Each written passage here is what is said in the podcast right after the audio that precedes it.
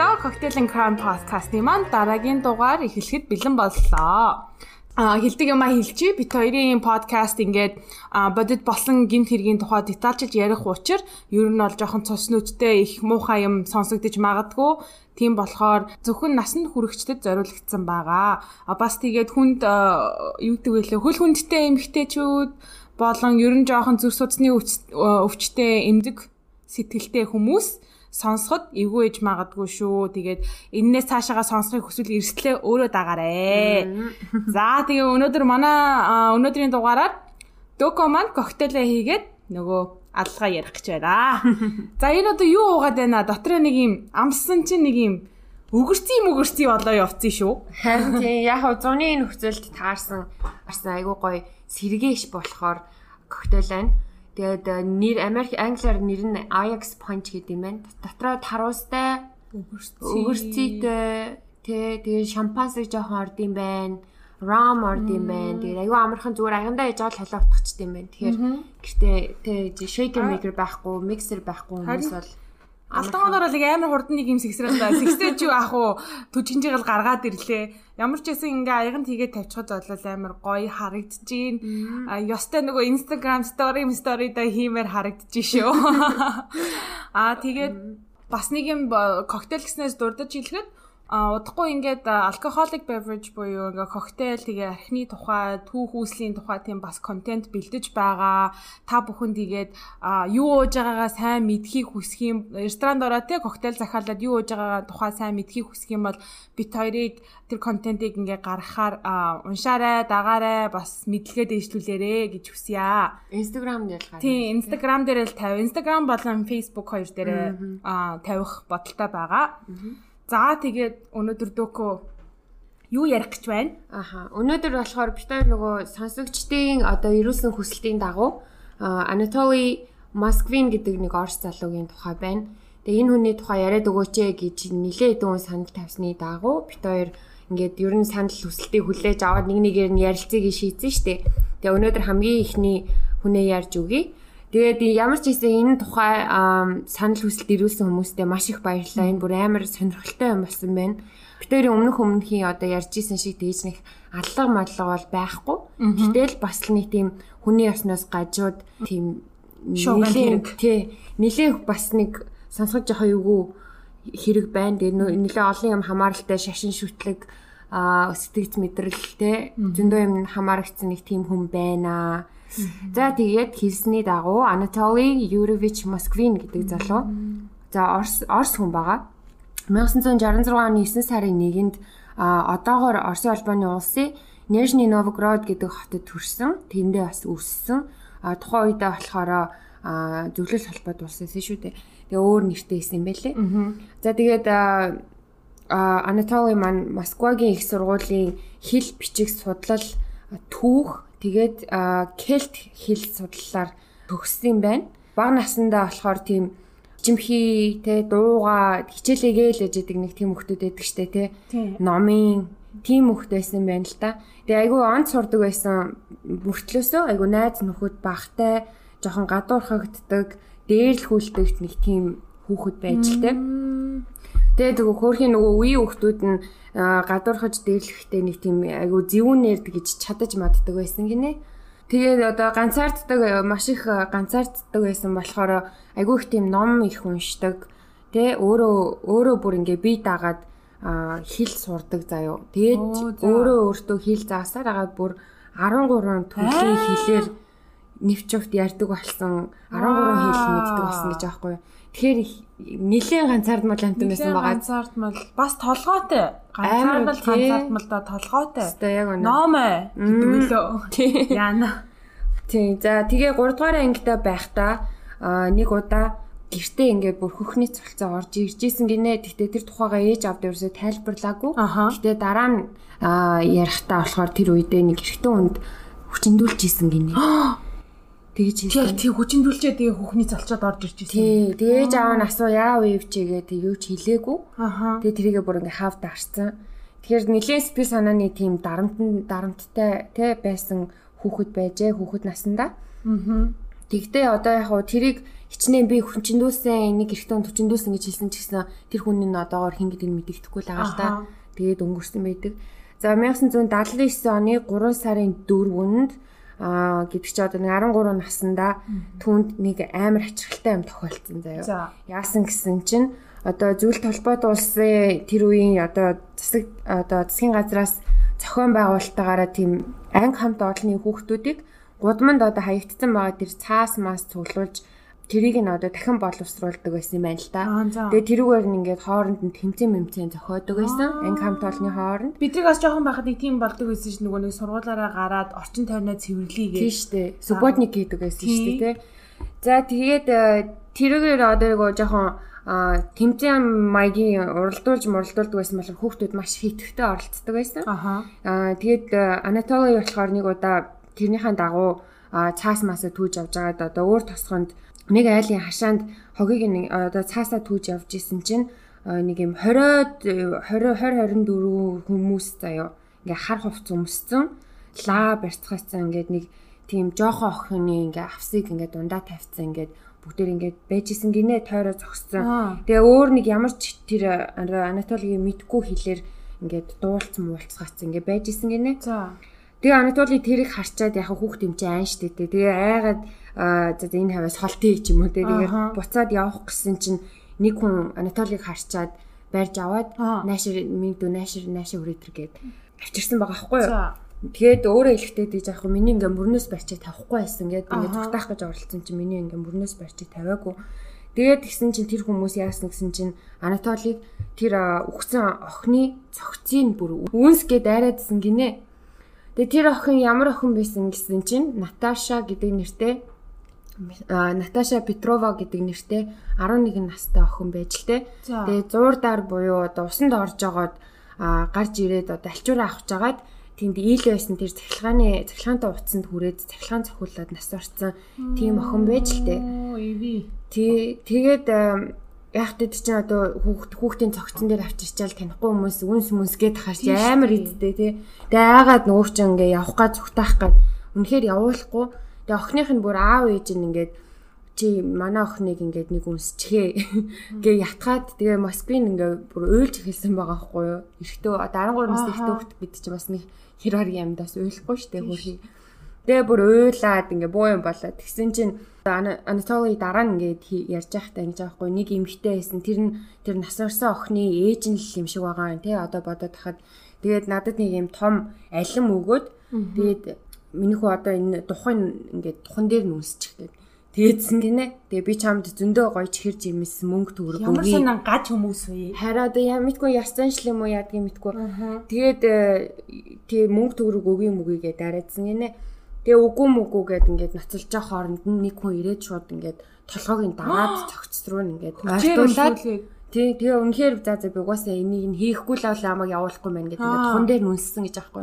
Тэсэн чинь дахиад 3 тахиулж үнсүүлсэн гэж аахгүй. Тэгээ үнсүүлснийхаа дараад нь ийм хоёр зис бүгж гаргаж ирэнгүүтээ за одоо нэг бүгжийн наад охиндынхаа хуруунд хийгээд нөгөөх нь чи өөртөө зөв гэж хэлсэн байгаа байхгүй юу. Тэгээд хүчээр гэрлүүлээд байгаа юм аашийн. Харин тэгээд яг би тэрийг бас юунаас уншиж байгаа. Нэг юм бас энэ хэргийн тухай судалж аваад нэг нэг хүний л нэг opinion л байсан л да. Нэг хүний л бодлол байсан л да. Тэр нэг албан ёсны юм байгаагүй. Тэр хүн болохоор дижээс ахгүй. Энэ яг нэг тийм шашин л юм шиг байна те. Одоо хүн амьтантай гэрлээгүй хүүхд гаргаагүй. Хар залуугаараа нас орцсон жоохон охин болохоор нэг хүнтэй гэрлүүлч гээд те. Тэгээд э, нэг ёс солгоод ч юм уу тэр хүүхдийг одоо бүгж одоо бүгж бэлтсэн байгаа байхгүй нэг тийм хийх гэдгсэн Анатоли л одоо явж таарсан те тэгээд тэрийг тийм одоо зан үйл хийлгсэн гэж үздэг юм байлээ. Аа би тиймэрхүү юм сонсч ирсэн нөгөө нэг юу зүүн Ази Азийн орноор одоо Малайз, Индонезиа орнуудаар бас нэг тийм юу эдэг гэд practice байдаг. Нөгөө хүнтэй суугаагүй ингээ өгсний дараа бас ингээд хүнтэй нөгөө бас гэрлүүлдэг тийм үү. Оо тийм штэ. Өгсөнтэй гэрлүүлдэг ясаа ихлээс зөндөө идэг штэ тий. Тий өгсөнтэй гэрлэлцэн гэ нөгөө хэсэг мөн гээд чи Монгол буу юм болоод хаад тэгэхэд хүртэл гарч ирсэн чинь миний нөхөр энэ гээд зургийг барьсан. Өгснийхэн дараа нь гэрлэлцэн гээд нэг тэмдэг ч хүн мэддэг ч хүн хизээж уулзч байгаа нэг тийм шашны гаж уулзсан. Netflix дээр бас нэг кино байсан нэг тийм окей sorry. Дэлхийга тайлт явах гэж чинь. Гэтэ тэрийг бол сонсч ирсэн амар сонирхолтой. Тэгээ нэг шашныг тийм гаж уурсгал бэд юм шиг байлээ. За тэгээ духан дээр нь 3 удаа үнсээд тэгээ баахан нөгөө амсын ёсороо тэгээ торхтой юм жимс хэр жимс өгөөд мөнгө төр өгөөд явуулсан гэж аахгүй. За тэгээд явуулахдаа тэд нэр хэлэхдээ за энэ тухай дээр чи ядаж дор хаяж 40 хоногийн дотор хинт чигтээ илээрэ гэж хэлсэн байхгүй. Тэгэхээр ер нь бол зан үйл агаад ямар нэгэн шашны Монголд одоо 49 хоног гэдэг шиг тий. Хамгийн сонин нь заяа тэр явдлаас хойш Анатолигийн зүүдэнд тэр Наташа охин орж ирдэг болсон гэж аахгүй юу. Яа. Нөгөөч юм бүр ингээд зүүдэлдэг болсон. Тэгээ бүр ингээд тэр охин нь зүүдэнд нөө орж ирэхдээ би чамд ийм хар шид зааж өгье те. Одоо black magic гэж ярьдаг шүү дээ. Би тийм хар шид чамд зааж өгье. Чи сураатах гэдэг ингээд дайраад идвсэн нэ. Тэгээ нөгөөч чинь ингээд зүүдэл зүүдэлчээд ингээд одоо зүүдэн дотроо л тэмцэж байгаа юм байлгүй дээ те үгүй мүгүй гэ дандаа ингэж үгүйсгдэг байсан.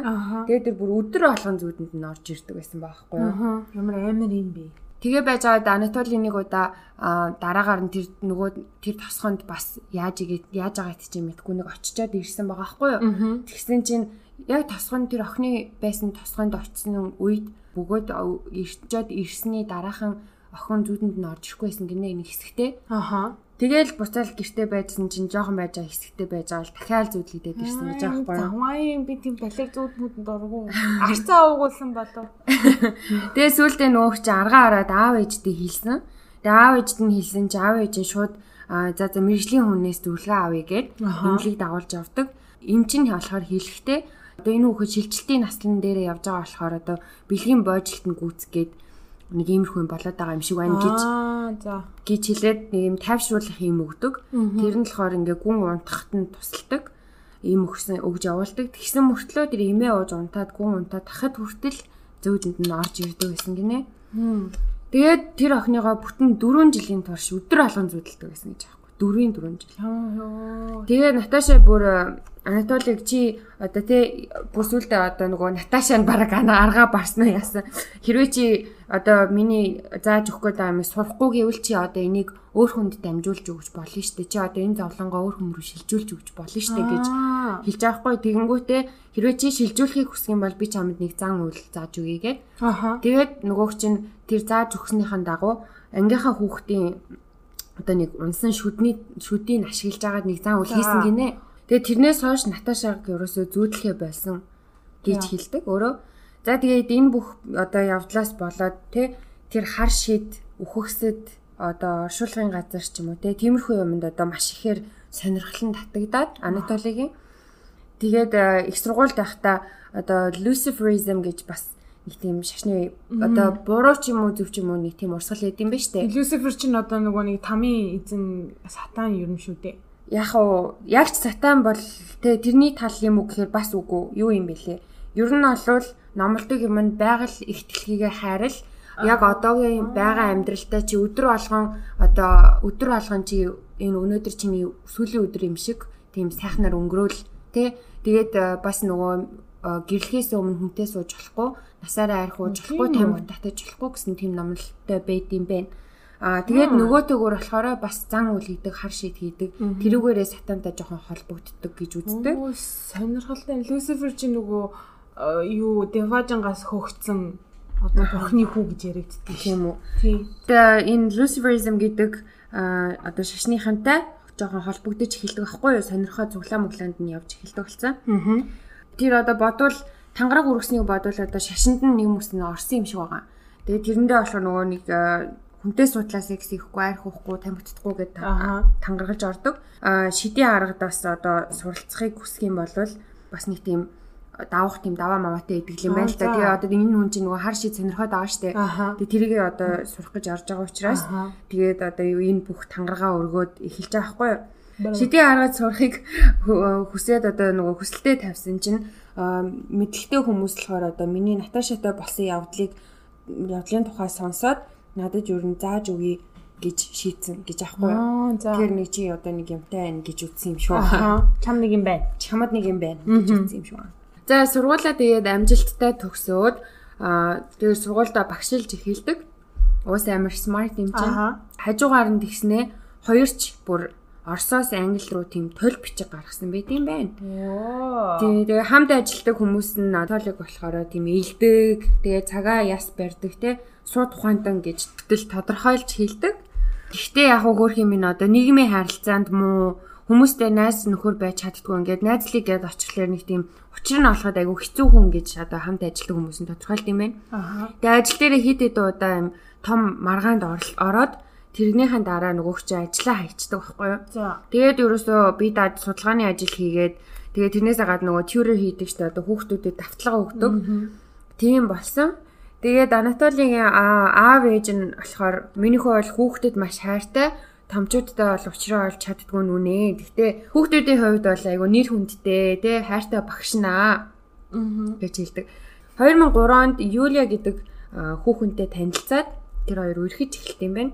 Тэгээ Юлия тэр хоёр одоо Анатоли чинь бэлгийн харилцаанд орж болохгүй штэ. Тэгээ Юлия ч гэсэн бас нэг тийм энэтхэгийн гаралтай бас ямар ч гинөө шашинтай байсан гинэ. Тэгээд бас бэлгийн харилцаанд орох хүсэлгүй. Тэгээ тэр хоёр нэг тийм бэлгийн харилцаагүй тийм үерхэл эхлүүлдэг байхгүй юу? Тэгсэн мөртлөө хоёулаа хүүхэд хүсдэг, хоёулаа хүүхэдтэй олмоор байна гэж ярьдаг. Тэгээ хоёулаа ерөөсөө хүүхэд өргөж авъя гэд. За. Тэгээд хүүхэд өргөж авахаар болдог байхгүй юу? Хүүхэд өргөж авъя гэж шийдсэн шийдвэрээ аав ээжтэй хэлсэн чинь аав ээж нь дургуутдаг байхгүй юу? Яриад байгаа юм бэ те? Одоо чи орлого багтай тьюрер хийж байгаа а одоо үнцэн ажил мажил байхгүй те. Тэгээ орлого багтай юм чинь чи яах юм гээд дургуутаадсан гинэ. Тэгсэн чи Анатоли ээж аваагаа сүрдүүлээд би бол хар шид мэдэн шүү те. Би үхстэй харцдаг шүү. Би хоёрыг хараа шүү мараа шүүгээ солиороод аав ээжигээ айлгаад тэгээ аав ээж хоёр нь бүр аргагүй ихэнд яа за за за тийм туслая туслая гэдэг одоо мөнгөгүй юм чи аав ээж спонсор болох гэдэг байхгүй юу. Тэгээ тэр хоёр уул нь нөгөө хүүхэд өргөж авах гад бичиг баримтаа бүрдүүлээд явуулдаг байхгүй юу. Тэгсэн чинь тэр adoption чинь бас учиртай штэ тэгээ нөгөө тийм одоо мөнгөний болцоогүй хүмүүс мөнд өгчихгүй штэ хүүхдийг. Тэр шалгуурт тэнцээгүй. Тэгээ хүүхэд өрчилж авах нь ингээд талаар болоод тэгээ явандаа жоохон байж Юлия тэр хоёр угаасаа салдаг. Тэгээ 2005 оны 7 сард Олег гэдэг нэртэй Анатолигийн амьдардаг Нижний Новгород гэх хот байгаа штэ. Аа тэр тэрэндээ л бол мангар нэртэй нэг тийм түүхч байдаг. Тэгээ тэр Олегтай хамтраад аа Нижний Новгородын оршуулгын газар нэртэй ном хийхээр болдог байхгүй тэр хоёр. Тэр одоо номынхаа номныхаа ажлын дагуу 3 жилийн турш одоо тэр хавийн бүх оршуулгын газараар явж судалгаа хийж те одоо нас барсан хүмүүсийн чулуун дээр бичсэн нэр ус дээр информашныг ингээд тэмдэглэж аваад явдаг тийм ажилтай болж эхэлж байгаа хгүй Анатоли. А, Тэр нэг оршуулгын газар чинь тэр хот нь нэлийн том хот учраас одоо зарим нь маш хол те хүн сууршаагүй газар энэ төр байдаг. Тэгээ автобус автобус нь одоо өдөрт нэг удаа одоо явж өнгөрж мөнгөрдөг тийм газар байдаг. болохоор зарим газруудад бол бүр ингээ хонж ажиллаа ихээс өөр аргагүй болж бүр оршуулгын газар хондог болж эхэлсэн байгаа. Завааин. Тэгэж оршуулгын газар хонж өнжиж явхад өөрт нь нэг тийм ямар ч тэр байгаагүй ганцхан нэг за яг бүр ингээд бүр ямар проблем байна гэж чамаас суухаар одоо согтуу хүмүүс л ядаргаатай даа л гэж хэлсэн байгаа байхгүй юу. Тэгээ яадаг гэсэн чинь зөндөө олон юм болж лээсэн юм билээ. Гэтэ яг нэг жишээ хэлчихье. Нэг удаа нэг эхнэр нөхөр хоёр согтуу саяхан алдсан хүүхдийнхаа шарилан дээр эрэхтэй нөгөө Анатолиг харчаад нэг сүмийн номлогч момлогч байна гэж бодоод Оо. хоёр гар чинь дуудад авчираад али хамт залбирын малбрын гэт тэгсэн гинэ тэгсэн чи би номлогч жишээ би ингээд ном бичээд ажиллааг явж гинэ гэсэн чинь аав нь уурлаад зодож модоод дээрэндээ Оо май. Нэг балаа. тиймэрхүү юм болж исэн. Тэгээд тэр мөрөнд тиймэрхүү юм болдгүй юм бол одоо өөр надад тийм хэцүү асуу- асуудал бол байгаагүй гэж хэлж байгаа байхгүй юу? А 2005 оноос 2007 оны хооронд 2 жилийн дотор Анатоли нийтдээ 32 дүүргийн 752 оршуулгын газар очоод одоо мянгаад хүний те зөвлөлт холбоод улсын үед одоо алга болж исэн гэд одоо тэмдэглэгдсэн хүмүүсийн шарлыг олж исэн. Тэгээд 2006 одоо тэрэн талаас одоо номонд нь юутайс юм л да. Одоо алга болцсон гэд ор сургуу болцсон хүмүүсийн шарлыг олоод энэ ч эдэн онд өгсөн байна мэн гэд ингээд нэг тиймэрхүү юм хийжсэн байгаа байхгүй юу? гэр бүлээсээ салсан малсан Тий. тиймэрхүү хүмүүсийг одоо дайн дажны үеэр Тий. олгосон зүг зүг зүг. Тэгээд 2006-аас 2010 оны хооронд Нижний Новгородын сонинд сарда 2 удаа тийм нийтлэл бичдэг байсан. Аха. Тэгээ тэр нийтлэлдээ одоо өөрөө түүхч тэр хилний хүн штэ тий. Тийм болохоор тэр түүхийн тухай, хэлнийхэн тухай, тэ оршуулгын газрын тухай, хийж байгаа ажлынхын тухай маш их нийтлэл одоо сард 2 удаа гэдэг чинь зөндөө байгаа юм тий. Нийтлэл гаргадаг байсан. Тэгээ тэр нийтлэлүүд нь бас маш зөрөгтэй зөрөгтэй сэдвийг одоо нийтэлдэг байсан байгаа байхгүй юу? Тэрний нэг нь хүмүүсийн бичих байтугай бүр ярихаас ч айдаг тийм сэдвүүдийг хай ингээ нийтэлцдэг байсан. Тэрний нэг нь гэсэн чинь заяо амар сонирхолтой 13 14 дугаар зуунд Монгол татар хоёр яаж Оросыг одоо товтолж те мянган мянган охид хүүхнүүдийг нь хүчиндэж бузралж исэн тухай хүртэл бичиж исэн. Тэгээ 2008 онд болохоор свастика тэмдгийн одоо хэрэглээ те бэлэг тэмдгийн тухай тийм бүр ном гаргацсан. Тэгээ тэр нь болохоор маш олон хүмүүсийн хил ам одоо дагуулсан байдаг. Яагаад тэгэхээр тэр хүмүүс өө Анатоли чинь фашист юм байна штэ гэж үзээд дандаа нэг тийм хүмүүсийг талцуулсан нэг тим юм бичдэг байсан байгаа байхгүй юу? Сэдвүүдийг хүнддэг байсан. Тий. Тэр номноос нь олж маш их хүн одоо Анатолиг фашист гэж шүмжилдэг болсон. 2011 онд болсон олон улсын нисэх онгоцны буудалд террорист халдлага болсон юм байна штэ. Энийг гар амиа орлоод дэлбэлсэн юм байна штэ. Тэр бөмбөг дэлбэрсний дараа нөгөө Анатоли чинь мусульмануудын оршуулгын газар нь очиод чулуун мулууныг энэ будаж мунтаа явж идэг гэсэн гинэ. Тэгсэн хүмүүс тэрийг нь бас нөгөө шивэр авир энэстэй экстремист те энэ ер нь энд ер нь нэг юм байна гэж үзээд тэрнийхэн дагуу тэгэхээр цагдаа нар ингээд янз бүрийн тийм нууц бичиг баримт олох гээд гэрийг нь инвейт хийсэн ба одоо гэр гэрт нь юм нэгчлэг хийсэн байгаа байхгүй юу. За. Тэгсэн чинь тэд нар ямар ч тийм экстремист тийм юм олоогүй харин шаал өөр юм болсон заяа. Аа нэг ёо амар өөр үзүүлэлтэд нүр тулдаг цагтаа. Тэн чин тэр гэрт 29 ширхэг тийм том хүүхэлдэйнүүд байсан. Хүн шиг том life size. Тий, life size том хүүхэлдэйнүүд байсан. Тэгээ тэр хүүхэлдэйнүүдийг бүгдийг нь одоо ингээ хувцлаад нүүр амын ботцсон байсан. Тэр хүмүүс чинь цагдаа нар бол одоо бичиг баримт хайж явж байгаа штэ. Тэгээ нөгөөдөл ингээл холдуулж малдуулаад ингээл оролдсон штэ. Мэдээ хүрэн штэ тэрэнд нь. Тэгээ ингээд нэгийг ингээ аваад ингээ ясан чи ингээ дотор нь юм хөгжим тайрцаг гэж яддаг дээ. Одоо ингээ эргүүлчингүүд ингээ хөгжим яваад идэг. Тийм юм дуурайад тэгсэн чинь одоо заримуд нь болохоор ингээ аваад тавьсан ингээ хөндөй тэгсэн мөртлөө дотор нь ингээ нэг юм татдаг гэдэг ингээ дуграадсан байгаа байхгүй юу? Бүх Google-тэйнүүд нь тэгээд харны одоо дотор нь юу байгаа юм бол гэдэг онгойлгож үзсэн байхгүй. Нэг нь тэгсэн чинь нэгийг задлаад үзсэн чинь дотор нь моми олгцсон тийм хүний биений цогцос байсан. Аа заримынх нь биед нь болохоор э, тэр нөгөө олсон шичлэн хөгжим тайрцаг нь хийцэн. Зарим нь болохоор хөгжим тайрцаггүй те тэгсэн өөрөөс нь яагаад дараа нь яагаад чи юм хөгжим тайрцаг хийцэн гэж асуусан чи. Ингээ намааг тэрнтэй юм ярьж байхад өөдөөс ингээ дуугархаар би нэг юм тэрнтэй үнэхээр ингээ харилцан ярилцаад байгаа юм шиг надад санагддаг байсан гэж хэлдэг. бас Анатоли хэлэхдээ тэд нартай би бас хүүхэлдэйн кино минь үү үзүүлдэг тийм болохоор одоо нүднүүд нь одоо мэдээж тэр чинь хүний momify цогцос гэдэг чинь нүд мүдэ ахгүй шүү дээ. Тэгэхээр нүднийхээ оронд ингээд товч мовч эсвэл чихмэл тоглоомны нүд мүд ингээд хийцэн байсан гинэ. Тэгэд ихэнх хүүхэлтэй нүд нь болохоор өөрийнх нь өрөөнд тэгээд нэг ширхэг Маша гэдэг бүр нэр мэртэй Маша гэдэг нэг хүүхэлтэй нь болохоор бүр ээж авах нь өрөөнд байсан гэж аахгүй. Тэр чинь ээж автаа хоёлаа гурлаа амьдэрдэг. Аа. Ээж аав нь тэгээд юм хэлэхгүй би oh my god Бусад хүүхэлтэйнүүд нь гаражнаас нь олцсон. Тэгээ тэр хүүхэлтэйнүүдийг одоо бүхэлдээ 10 жилийн турш хийж цуглуулж хадгалсан байгаа хгүй юу? Коллектор болцсон. Тий. Анатоли болохоор би бол тэднийг те өөрийнхөө хүүхдүүд гэж боддгоо. Дээрээс нь нэштэй тэр дундаа одоо дургу хүүхдүүд мөхтүүдээ болохоор ингээ гараашнд хадгалцдаг заяа. Дуртай хүүхдээ болохоор өрөөндөө хадгалдаг. Байсан гэж аахгүй юу? Дургу гинэ дураг чинь хүний хүүхдээ хотж авчаад. Тэгээ бүр бүр дургу бүр үзий ядсан хийдийгээ болохоор буцаага оршуулцдаг байсан гинэ. За ээж аав хоёр нь болохоор яасан гэсэн чинь зүгээр л нэг юм хүүхэлдээ хийх одоо хобби одоо болж тээ миний хүүл гэж утсан байгаа байхгүй юу? Мдээгүй, юу ч мдээгүй Тэгээ угаасаа багтаа тэр эрэгтэй хүүхдээ жиж айгу Google-тэй интернет тоглодог байсан гинэ. Тэгэхээр за за одоо тэр нь л ингээл дамжраал одоо том том хүүхэлтэй болоод ингээл өөрөө их гар бараараа хийх одоо сонирхолтой болсон байлгуудэ гэж одоо ерөөсө тоогоог байгаа байхгүй юу? Хөршүүд нь болохоор дараа нь одоо бүхэн басны дараа бас мдээгүй гайхаж байгаа штеп. Тэгээ яасаа гэсэн чи тэдний хажуугаар яхаар тийм нэг эвгүй өнөр хаяа гаяа гараал идэг. Гэтэ яг нөгөө муу усны үйл юм байна л гэж бодол өнгөрдөг байсан. Ерөөсөө юм юм гэж бодоагүй. Миний бодлоос болж хөөрхи ээж аав хоёр нь шоконд ороод аа аав нь цус харваад тэгээ ээжийнх нь биеийн нас муудаад нэлээд удаан хугацааны одоо туршид энэ хоёр эмнэлэг твцсэн байдığım нэлээд хөөрхи тэг хүүхэлтэй болсон охтууд болохоор тийм гинтийн тийм амар эвгүй эвгүй хөхлөөр өгсөн байснаас гадна бүгдээрээ бага насны хүүхдүүд нэг 3-аас 13 насны хүүхдүүд байсан гэж байгаа байхгүй.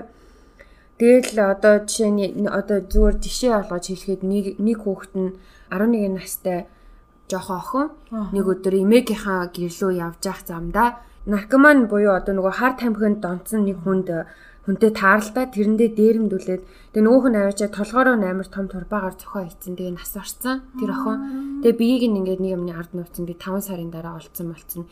Тийм хүүхдүүд байгаа байхгүй нэг тийм гинтийн байдлаар эвгүй эвгүй хүчгээсэн Анатоли болохоор тэр охтуудынхаа бүгдээрнгийнх нь тэр төрсөн өдрийн мэднэ нэрийг мэднэ тэгээ тэрнээс гадна бүгдээрээ төрсөн өдөр мөдрүүдээ ингээд дандаа тэмдэглэж мэмдгэлдэг зарим хүүхдүүд нь болохоор оршуулгахтаа өмсүүлж исэн хувцсан тэр чигээрээ тэгээ зарим нь болохоор тэр хогноос ухаж олсон тийм хүүхдийн хувцнууд нүүр амыг бас мэдээж янзлаад нэг юм хүн төрхөнд оруулсан. Тэгээ хамгийн анх яаж тэр одоо энэ бүх юм эхэлсэн гэсэн чинь 2003 онд нөгөө хүүхэд өргөж авах гал ядчихсэн шүү дээ. Тэгээ нөгөө хүүхэнтэйгээ тэр үед нэг өдөр аав ээжтэйгээ нөгөө тэр үрчлэх одоо талаар хэрэлдээд нэг өдөр гарч яваад анхныхаа охины цогцыг ухаж гаргасан байгаа байхгүй юу. Тэгээ охиныг гаргаж авахд өстой айгүй муу нөхцөлд байсан гэж хэлж авах тэр одоо би нилээн одоо декомпоз хийсэн те нилээн ингээд илжирч мэлжрээд нилээн муудсан муу нөхцөлд байсан тэгээ айгүй урт ус мүстэй тэгээд ингээ өмсөн хувцнуудыг ингээ тэр чигээр нь хилж исэн ааа ингэж ийм байдалтай болцсон одоо тэр цогцыг анх удаа моми моми одоо болохоор оролддог. Тэр охиныгоо тэгээ ухаж гаргаж одоо биеийг нь би би тийштэй одоо биений хэсэг л байгаа шүү дээ гаргаж ирээд одоо оршуулгын газрынхаа хамгийн захад аваачаад ингээд гүйхэн булаад дэлгүүр явж давс мавс соод мод авчираад тэгээ буцаж ирж нөгөө охиноо гаргаж ирээд тийм уутанд те давс мавс соодтой хийгээд одоо момофай хийхэд одоо тийм л юм хэрэгэлт юм ба штэ. Яаж мэдгүй хатаач матахад гэдэг юм уу да. тийм юмд хийгээд тэрийгэ бүр ингээд 7 хоног болгоо нэг удаа ирж солидөг байсан гинэ. 2003 оныхоо 7 сард нь биеийг нь өөр хувц өмсүүлээд одоо өмсөжсэн хувцсыг солиод тэгээ зүнхэндээ игээ гэртээ анх удаа авчирж исэн байгаа байхгүй юу. Тэгээ хоёр өдрийн дотор биеийг нь би одоо хүн хэлбэрт оруулж засч янзлаад одоо тэр нөгөө хөндөөш за одоо энэ хавраг маврагны тээжний хөндийн мөндийн юм юм чихээд ч юм уу те засч янзлаад одоо хоёр өдрийн дотор ингээ хүн болгоо одоо жинхэнэ анхныхаа хүүхэлтэйг болгож авсан байгаа байхгүй юу. Одоо нэг удаа ярилцлага өгөхдөө би бол хар шидний дадлаг хийж исэн. Би тэдрийг ахиж амьдруулахыг хүссэн. Тэдрийг би бол маш их өрөвддөг байсан гэж аахгүй тэр хүүхдүүдээ. Тэгээ би тэднийг одоо шинжлэх ухаан хөгжөөд ахаад амьдрах болох амьдрч болох болтол нь хадгалахыг хүссэн гэж хэлсэн байдаг. Келтгийн тухай одоо их сургуультаа сурсан гэж ярьж ирсэн шүү дээ. Тэрнийхээ одоо бүр одоо мэрэгсэн мэрэгчлэн болцсон байгаа шүү дээ өөрөө. Тэгээд тэнд нь болохоор нэг зүйл байсан юм байна л да. Celtic гэдэг чи одоо манайрны өмнөх юу 1200 жилийн өмнө юм уу да баруун Европын хэсэг шүү дээ. Одоо тэр ёс заншилт нь болохоор үхөхсдийн сүнстэй оршуулгын дээр нь унтчих та харилцаа үүсгэж болдог талаар бичсэн байдаг. Тэгээ тэрнээс гадна Сибирь болон Якутуудын талаар судалгаа хийж байхдаа тэнд бас одоо ижил төстэй зүйл хийдэг байсныг олж мэдсэн байгаа байхгүй юу? Тэгээд ажиллаа хийж явж байхдаа одоо нөгөө угаасаа оршуулгын газар унтаж хөвтөж хоноод өмжүүд болдог гэсэн гисэн штэ. Тэгээ охтуудын сүнс харилцаж эхэлсэн тий. А тэр ч одоо анх удаа хүний сүнс харилцах гад ингээд одоо юу гэдэг чих мэхэнд нь сонсогдоод ирэхлээр чи гайхах нэгдтэй энэ одоо сүнс үү юу вэ. Тэгээд Анатолич өөрөө нөгөө айгу мундаг мэдлэгтэй боловсралтай хүн байсан болохоор бас сүнс хүртэл айгу их судалсан. Тэгээ за энэ яг жинхэнэ энэ охины сүнс үү эсвэл чөтгөр шулам уу надаар тоглоод байна уу гэдгийг ингээ бүр бас одоо факт чек хийн гэдэг чинь одоо судалгаа хийж үтсэн байгаа байхгүй юу. Тэсэн чинь үнэхээр яг тэр охины сүнс байсан гэдэг нь өөрт нь батлагдсан. Яг хоо энэ талаар одоо нэг бүгийн мэдлэгтэй хүмүүс бол юу яриад байгааг нь ойлгож байгаа байх гэж бодож байна. За тэгээ Орос хэл дээр байгаа муми их тухай бүх номыг уншсан гэж байхгүй юу. Тэгээ дээрэс нь бүр тэр дээр үеийн нөгөө Египтийн бичгийг хүртэл те Египтүүд ч муми дээр алдартай штэ. Египтийн тэр дээр үеийн бичгийг хүртэл судалж эхэлсэн. Тэгээ Москва руу бүр энэ бүхнийг судлахаар бүр зорж явж исэн байгаа. Тэгээ сурвалжлагч одоо асуухта та энэ хүүхэлтэйгээ те та одоо эднэртэй яг юу хийдэг байсан юм бэ гэсэн чинь би бол те тэдэнтэй зүгээр л ингээ ярилцдаг байсан. Бид нар бүр өөрсдийн гэсэн хэлтэй, өөрсдийн гэсэн дуу, бид нар бүр тэмдэглэлт тийм өөрсдийн гэсэн баяртай гэж хэлсэн байхгүй. Тэгээ манай аав ээж хоёр зундаа 4 сард яваад 10 сард ирдэг байсан гинэ. Тэгэхээр одоо яг го ботход туслангийн орсуучин нэг тийм туслангийн байшинтай байдаг штеп. Тэн рүүгээ явцдаг байсан юм шиг байгаа. Тэгээ аав ээж хоёр ингээд 4 сард яваад 10 сард ирдэг байсан. Тэгээ бүр муураа хүртэл аваа явцдаг байсан болохоор би бол амар ганцаарддаг. Тий ганцаарддаг байсан.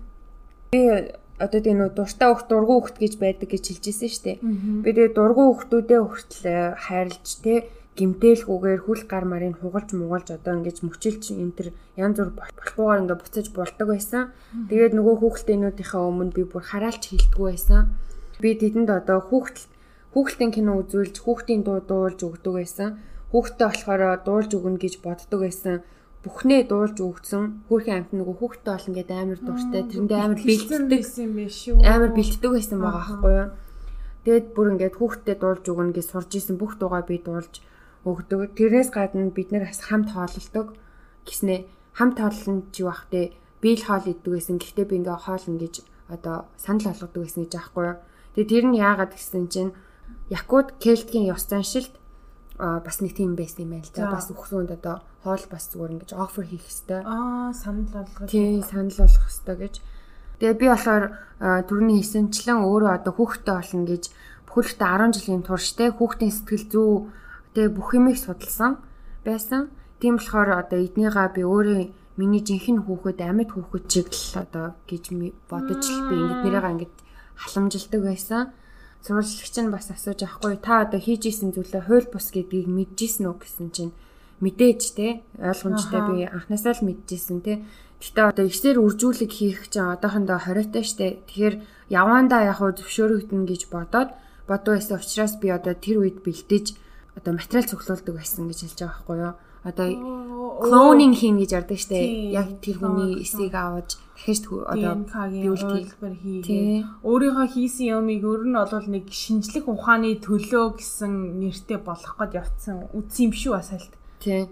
Тэгээ энэ хүүхдүүд хоёр дахь амьдрах боломжтой болно штэ тэр үед те би тэгээд хүүхдүүдэд ингэж дахиж төрүүлмээр байна гэж хэлсэн байхгүй. Тэгээ сурвалжлагч нь одоо яагаад энэ бүхнийг хийх болсон бэ гэд асуусан чинь би бол угаасаа л хүүхдтэй болохыг маш их хүссэн те ялангуяа охинтой би болмоор байсан тэгээ охинтой болоод тэрэндээ бүх мэдлэгээ ингэж өвлүүлмээр байсан гэж хэлдэг. Тэгээ 2012 оны 5 сард түүний шүүх хурал нь болоод 5 жил билүүтэй хориодох ял авсан байдаг байсан баха. 5хан жил өгд юм бахтай бас гайхаад жил ахтай юм. Харин мэдгүй. Тэгээд угаасаа шорноор удааг байсан сэтгцийн өвчтөй нийлрээд тэгээд нөгөө шинжилгээгээр оруулаад нөгөө paranoia schizophrenia гэдэг онц тавиад тэгээд нөгөө сэтгэл мэдрэлийн өвчтөй хүмүүсийн хордог тусгай хоригт шилжүүлдэг. Тэгээд дээрэс нь бүх охтуудын те нөгөө гаргаж ирсэн охтуудынхаа ар гэрийнхэнд нь сэтгэл санааны хохирол гэж 75 сая доллар өгөхтэй байсан юм байна л да. Тэгээ нэг сонин юм нэг аав тэр 75 сая долларын одоо хүлээж авахыг зөвшөөрөөгүй татгалцсан байгаа байхгүй юу. Тэгээ яасан гэсэн чинь Анатоли бол намайг охиноо амьд ахт нь хайрлах чадаагүйгээр өгцөн бахт нь хайрлсан байна те. Дуулаад дуу дуулж өгөөл хамт тоглоол төсөөдрийн хамт имдэглээл би бол амьд ахт нь би тэгж чадаагүй гэж байгаа байхгүй юу. Тэгэхээр би энэ хүнд бол бурууг чадахгүй те на миний охины надаас илүү хайрлцсан юм байна гэж хэлээд тэр мөнгнөөс татгалцсан байгаа байхгүй юу. Сэтгцийн одоо нөгөө нэг шоронд ахаар чинь 6 сар болгонд те юу байд юм бэ штэ? Бас шүүх хурлаар орж энэ хүн эмчгээ хүлээж аваад одоо жирийн шоронд орох боломжтой болж уу гэдгийг 6 сар болгон ингэ шалгаж шүүх хурлалт юм байна л да. За. Тэгээ 6 сар болгон шүүх хуралдаа явж боломжгүй боломжгүй гэж буцаж имлэг рүүгээ явсаар агаад 15 онд болсон нэг шүүхээр Оростол тийм амар нэртэй том том хэрэг өмгөөлж исэн. Маш алдартай хүний эрхийн төлөө гэдэг тийм Волкова гэж өмгөөлөгчийг авсан юм байна л да. Тэр өмгөөлөгчийг одоо хэн хөлс мөнгөний төлж одоо Анатолиг өмгөөлүүл гэсэн тодорхойгүй. Одоо энэний ард яг ямар одоо юу байгааг мэдэхгүй Анатоли өөрөө тэр хүнийг олж очиагүй тэр хүн өөрөө олж ирээгүй. Нэг хүн хөсөлсөн байгаа байхгүй юу? Гэтэ тэр бол одоохондоо мэдгүй нууц. За тэгээд тэр хүн одоо тэмцэж эхэлж байгаа байхгүй юу? Яасан гэсэн чинь Анатолиг эмнэлэгт авах хугацаанд нь бүр хүн болгон дээрлэхэж зоддог байсан. Хамгаалагч нь бүр өвчнүүд хүртэл зоддог байсан заяа. Нөгөө зодулж зодож зодж байгаа ганцаарынгийн тим нэг өрөөнд оруулаад тэгээд тэндээс нь ерөөсөө гарахгүй хорж мордог. Тэгээ өдөрт бүр юм 15 ширхэг тийм янз янзын тийм амар хүчтэй хүчтэй им өгдөг байсан бас тодогдоод. Тэгээд бид нэр ингээд шин кейс үүсгээд ингээд хүний эрхийг те ингээд бас хорж байгаа ч гэсэн ингэж болохгүй штэ те. Тэгээд дээрэс нь Анатоли 2 жилийн туршид би гэртээ эмчлүүлэе гэсэн хүсэлт гаргаж одоо ингэж бас тэрнийхэн төлөө тэмцсэн байгаа байхгүй юу. Тэгээ тэр нь одоо хүртэл одоо яригдчихэж байгаа шийдвэр гаргааг байгаа юм шиг үлээ. Гэтэ эцэг их нь болохоор Анатолиг гаргаж ирэхэд бол угаасаа дэмжихгүй байгаа гэсэн. Яг тэгэхээр гарч ирээд угаасаа буцаал нөгөө ажилдаа орно те ойлгомжтой гэж эцэг их нь болохоор дургуцаад байгаа юм билэ. Тэгээ Анатоли ч гэсэн өөрөө амар тэнэг хоригдохтой тэгжсэн байхгүй. Миний хүүхдүүдийг бити тийм гүн булаарэ Тэгээ ойлгомжтой байсаа гарч ирээ буцаал ухаал авчина. Аха. Бас нэг сони юм заяа. Анатоли утахгүй хурмаа ээж магадгүй. Аа. Тэр нөгөө нэг гимт хэрэгтэнд одоо дурлж мурлаад шороо оронд орцсон агуур нь очоод нөгөө хурмилж мөрмөлцсөн хүмүүс идэг штэ тий. Тэрэн шиг л юм шиг байгаа. Тэгсэн чинь яг хин гэдг нь одоогоор тодорхой тодорхой биш нэр усан зарлагдаагүй. Гэтэ Анатолигийн энэ одоо нөгөө төгссөн сургууль штэ тэр сургуулийг бас төгссөн 25 настай нэг тийм залуухан хүүхэн байгаа гэсэн. Тэр гэрээ суллагдаа гарч ирэх юм бол тэр хоёр суун гэсэн бэлээ. Харин тийм тэгээд ямар завхгүйсэн 25 настай орс хүүхэн гэх юм бол сайхан л охин байгаа. Царайлаг штэ. Тэгээ явж явахаар ийм юм дуралдаг одоо. Харин тэгээ хөөрхийн нөгөө аав ээж хоёр нь тэгээд нөгөө мэдээж нөгөө нэг жижиг хотын хүмүүс болохоор хил ам байгаа шүү дээ. Тэгээд бүр хотын зах руу нүүцгээгээд жагаан билээ хүн хүн хүн амтнаас хол. Гэтэ хөөрхи одоо хүртэл хоёулынх нь биеийн байдал жоохон таагүй. Тэгээ ээж нь хүртэл нөгөө ярьцлагад тийжсэн. Би одоо энэ бүх явдлыг ачаад амиа орлоо те хөгшөө одоо хоёул амиа орлоо. Одоо хоёул үхий гэсэн чинь нөхөр нь үхий үгүй гэд тэгээд хоёлоо одоо амьд байгаа юм билээ. Тэгээ одоогийн байдлаар Анатоли одоо 54 настай Гэтэ арайч гарч ирж имжлүүгээ хийлгдэг байгаа хаа. Аха. Тэгээ тэр тухай ерөөсөө би юм олж унш чадаагүй. Аха. Яг орсоор нь ухуул байхлах. Гэтэ орс хэлний мэдлэг бан жоохон дутаа тий. Тэгээ англиар гэсэн юмнуудын л олж сонслоо. Аха. Бас нэг балер юм нь одоо энэ хэргийн тухай сонссон Япон залуу заяа. Найз охиноо алаад моми олгоод гэртээ секс доол болгож ашиглаж исэн байгаа байхгүй юу? Тэр нь бас саяхан мэдгдсэн байлээ. Oh my god. Наа чи бас дахиад нэг эпизод дугаар олчихж байгаа юм биш үү? Нөгөө хүүхэд өргөж аваад хүүхэдтэй болох амар хүсэл нь ер нь жоохон буруу эргэлт аваад буруу тишээгаал явц юм шүү. Харин тийм. Тэгээ дээрэс нь угаасаа нөгөө нэг юм гоц ухаантай хүмүүст нь ер нь жоохон дотгошоогоо найз нөхөдгөө нэг тийм сонин байдэн штэ. Тэгээ тэрийг нь бас ингээд хүмүүс дээрлэж мэрлэхэд жоохон бас буруу буруу тал руу нь жоохон түлхэж болж өгсөн байх гэж би бодчих. Би өөртөө сонсож байгаагүй хэрэг байна. Харин тийм ээ бас сонсогчтой бас маш их баярлалаа. Хоёр бол энэ тухай өстой сонсож байгаагүй. Америкийнхан л энэ аваараа л юмаа сонсдог болохоос те ерөөсөө гэж гадны дотны юм сонирхтгүй юм байсан бэлээ гэж. Тэгээ сонирхолтой байлаа. Харин тийм тэгэл зөндөл юм нөлөөлсөн байлгүй дээ энэ хөөрхий сэтгэл санаа. Би зүгээр амар нэг ингээд яг хийх үг болохгүй амар шокнд ч юм уу нэг сонирн байна. Тэгээ яг ярьж байхад нь би бас зургийг нь харсан чинь амар эвгүй харин тийм. Ямар тэгээд угаасаа бас угаасаа хийдгээрээ зургнуудын Instagram-да постлон та гэдэг ороод үзээрэй. Тэгээ нэг бол тэр далдын өвч нөлөөлж тийм муу сүнс мүнс өглөөд ийм болчихвоо. Эсвэл үнэхээр сэтгэл санааны ийм юутай юм болов Би тэгээ бас нэг бодоод байгаа бодсон юм нь болохоор одоо тэр нөгөө нэг эмгтээтэй үерхчихсэн шүү дээ. Тэгээ тэр хоёр ингээ хоорондоо ингээд гэрлэхээс өмнө хүнтэй унтж болохгүй, тий хартай мэдэр гэрлэх болохгүй гэд тэгсэн мөртлөө тэгвэл яагаад тэр хоёр ингээд суугаад албан ёсоор суугаад ингээд гэр бүл үүсгэж болоогүй юм бол тэр нь ямар сайн юм Харин тийм мэдхгүй тэгээ яагаад тэгсэн өстой мэдхгүй юм да гэж сонирхолтой л юм. За нэг юм сонин хүний тухай байла. Аа. За тэгээд янз бүрийн тэр шашны буруу муу урсгалыг нэг сонирхоод авах бол Тэ болохгүй мэдгүй юмараа нэг оролдоод хэрэггүй гэдгийг бас харж байгаа бах. Тэгээ бас ингээд нэг номэ момэ тийм хүүхдүүдийг ер нь бол оролцсны хэрэггүй шүү манайхаа. Ер нь хүүхдийг ер нь битээ тийж дээлгэж. Ер нь угаасаа амар их сэтгцэн Тийм. Хичнээн чиний бодлоор сонин хүүхэд байлаа ч гэсэндээ тэр хүүхэд те тэр хүн өөрөө бас цаагаараа юу туулж явж байгааг бид нэр хизээж таашгүй. Тийм болохоор би биэндээ одоо nice харьццаагаарэ. Зүгээр чиний ойлгохгүй зан гаран шин гаргаж ойлгохгүй юмыг хийж байгаа болохоор л тэр хүн одоо буруу гэсэн утгатай биш шүү. Тэ би биэндээ зөөлхөн хандж байгаарэ. Тэгээ хүүхд мөхт өсвөр насны хүүхдтэй сайн ярилцж байгаарэ те найз майзтай дээрлхүүлээд байд юм шүү дээ. Тэгээ сургууль соёлыг сольж мольж өгж байгаарэ. Тэгээд нэг газар дээрлхүүлээд байлгаад байв. Тэр мөр чинь бүр хүүхдэд заримдаа хүмүүс эцэг эхнэр чинь юу маягтай энэ чи зүгээр л дургу болохоор ингэн ингэсэн юм аахгүй хүүхдтэйгээ сайн ярилцаж хүн хүүхдийнхаа хэлж байгаа юмыг сайн сонсож байгаарэ. За тэгээд энэ хүртэл сонссон хүмүүсээ байл маш их баярлаа. Тэгээ бит хоёрыг дэмжиж байгаа бит хоёр ч бас нэг хөөрхөн 5 10 сонсогчтой болсон байлээ. Та нартаа бүгдийг харж байгаа бүгдэнд нь баярлж байгаа шүү тий.